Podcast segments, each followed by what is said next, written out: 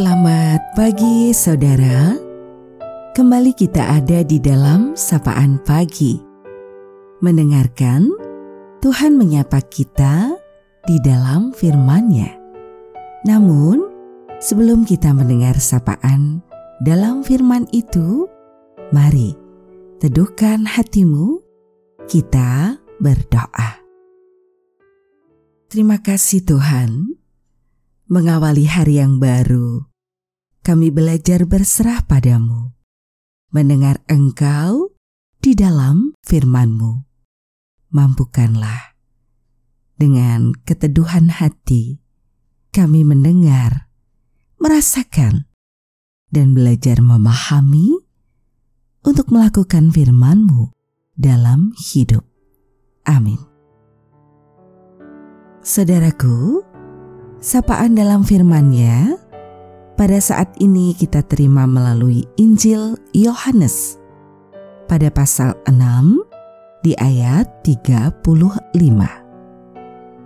Kata Yesus kepada mereka, Akulah roti hidup.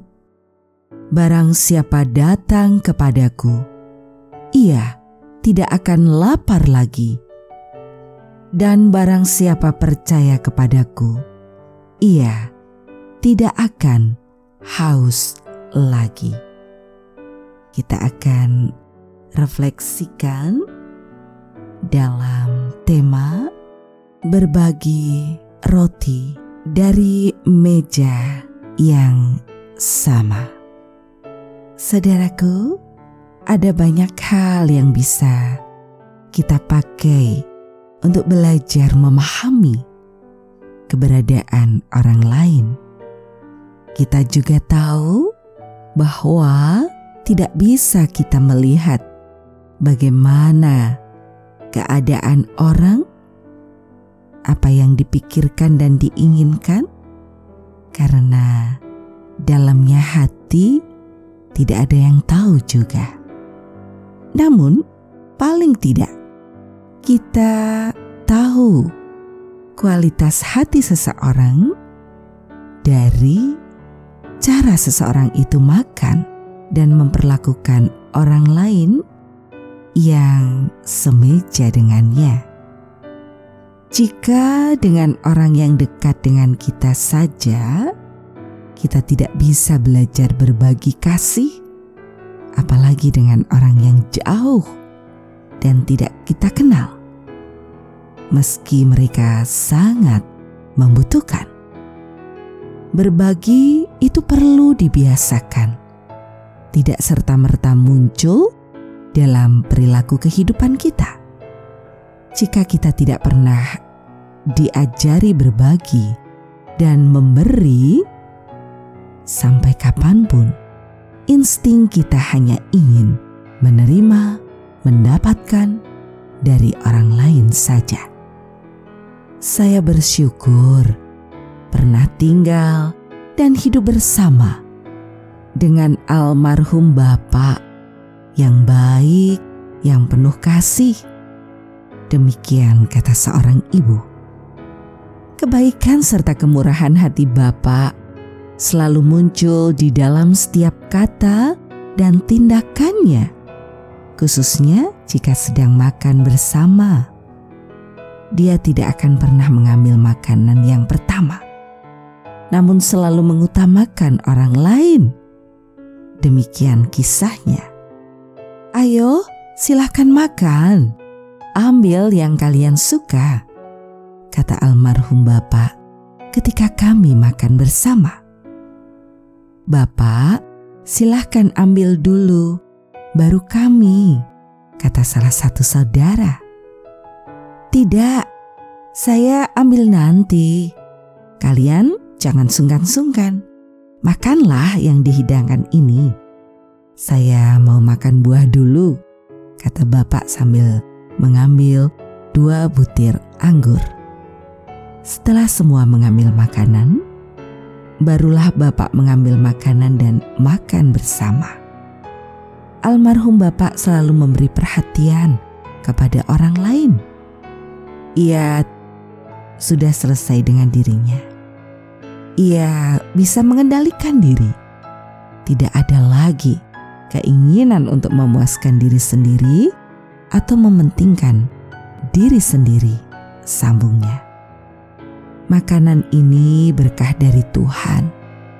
Bukan hanya bisa kita terima dengan syukur yang diungkapkan dengan tangan tengadah, bukan dengan rayahan atau saling berebut dengan tangan mencengkeram, kata Bapak suatu ketika.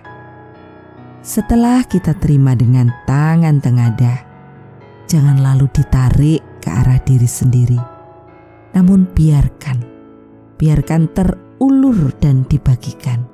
Biar jadi berkat bagi sesama, katanya. Sebelum kita bisa menerima roti kehidupan abadi, yaitu Tuhan Yesus, hendaklah kita mau belajar berbagi makanan, makanan sehari-hari kita. Demikian lanjut Bapak. Makanan yang kita simpan hanya akan menjadi sampah. Sedangkan jika kita bagi dengan mereka yang membutuhkan, maka itu justru akan menjadi berkah. Roti kehidupan abadi pun tidak bisa kita rengkuh dan makan sendiri. Ada kehidupan bersama yang saling membutuhkan, dan harus kita mau saling membagi untuk merasakan mengecapnya dengan bersyukur dan mendatangkan kehidupan. Semakin kita berbagi, semakin kita tidak akan pernah kekurangan Hal ini bisa terjadi karena roti kehidupan itu adalah Tuhan sendiri, Sang Sumber kehidupan.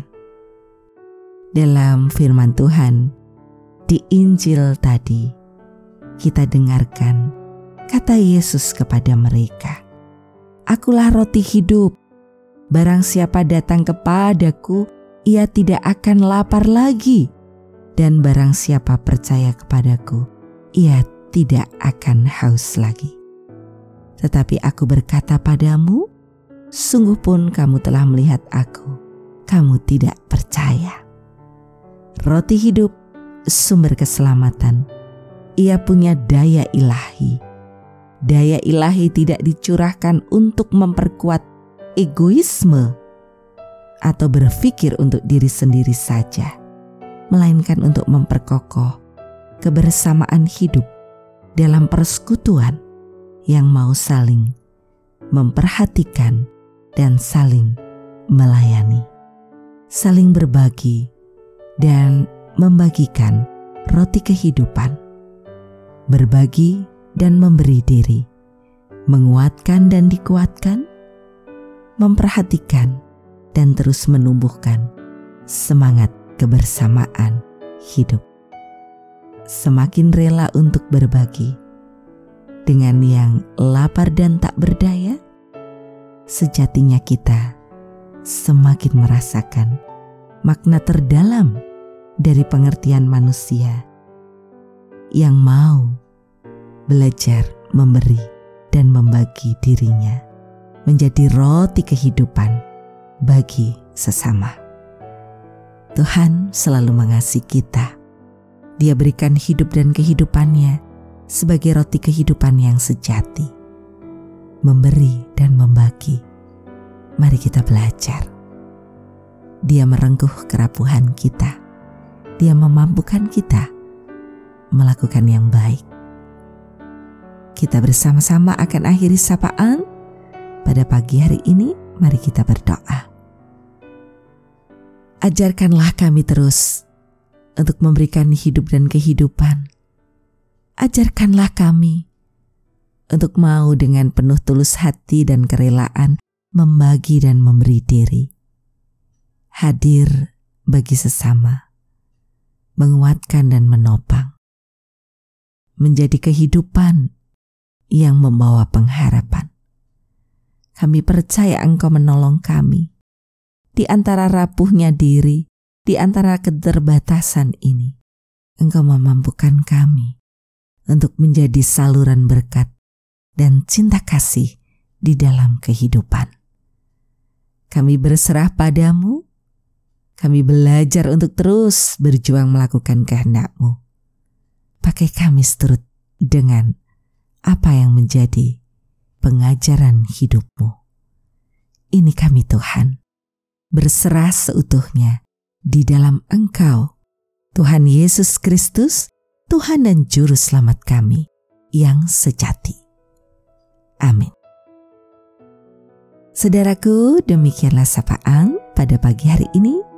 Terus dengarkan, Tuhan menyapa kita di dalam firman-Nya. Saudara bersama saya, Esti Widya Stuti, Pendeta Jemaat Gereja Kristen Jawa Pakem, ada di lereng Gunung Merapi. Tuhan memberkati.